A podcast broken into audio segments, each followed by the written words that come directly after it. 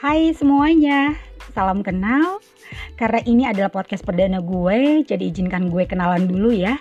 Nama gue Rista Swestika, gue adalah salah seorang perencana keuangan.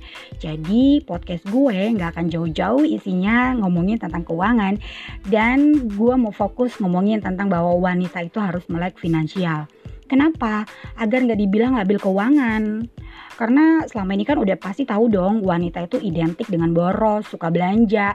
Bahkan yang namanya wanita rentan banget ya terkena dampak keuangan yang tidak stabil. Nah, dengan melek finansial berarti kita para wanita tahu nih perbedaan antara pengeluaran yang baik dan yang kurang tepat.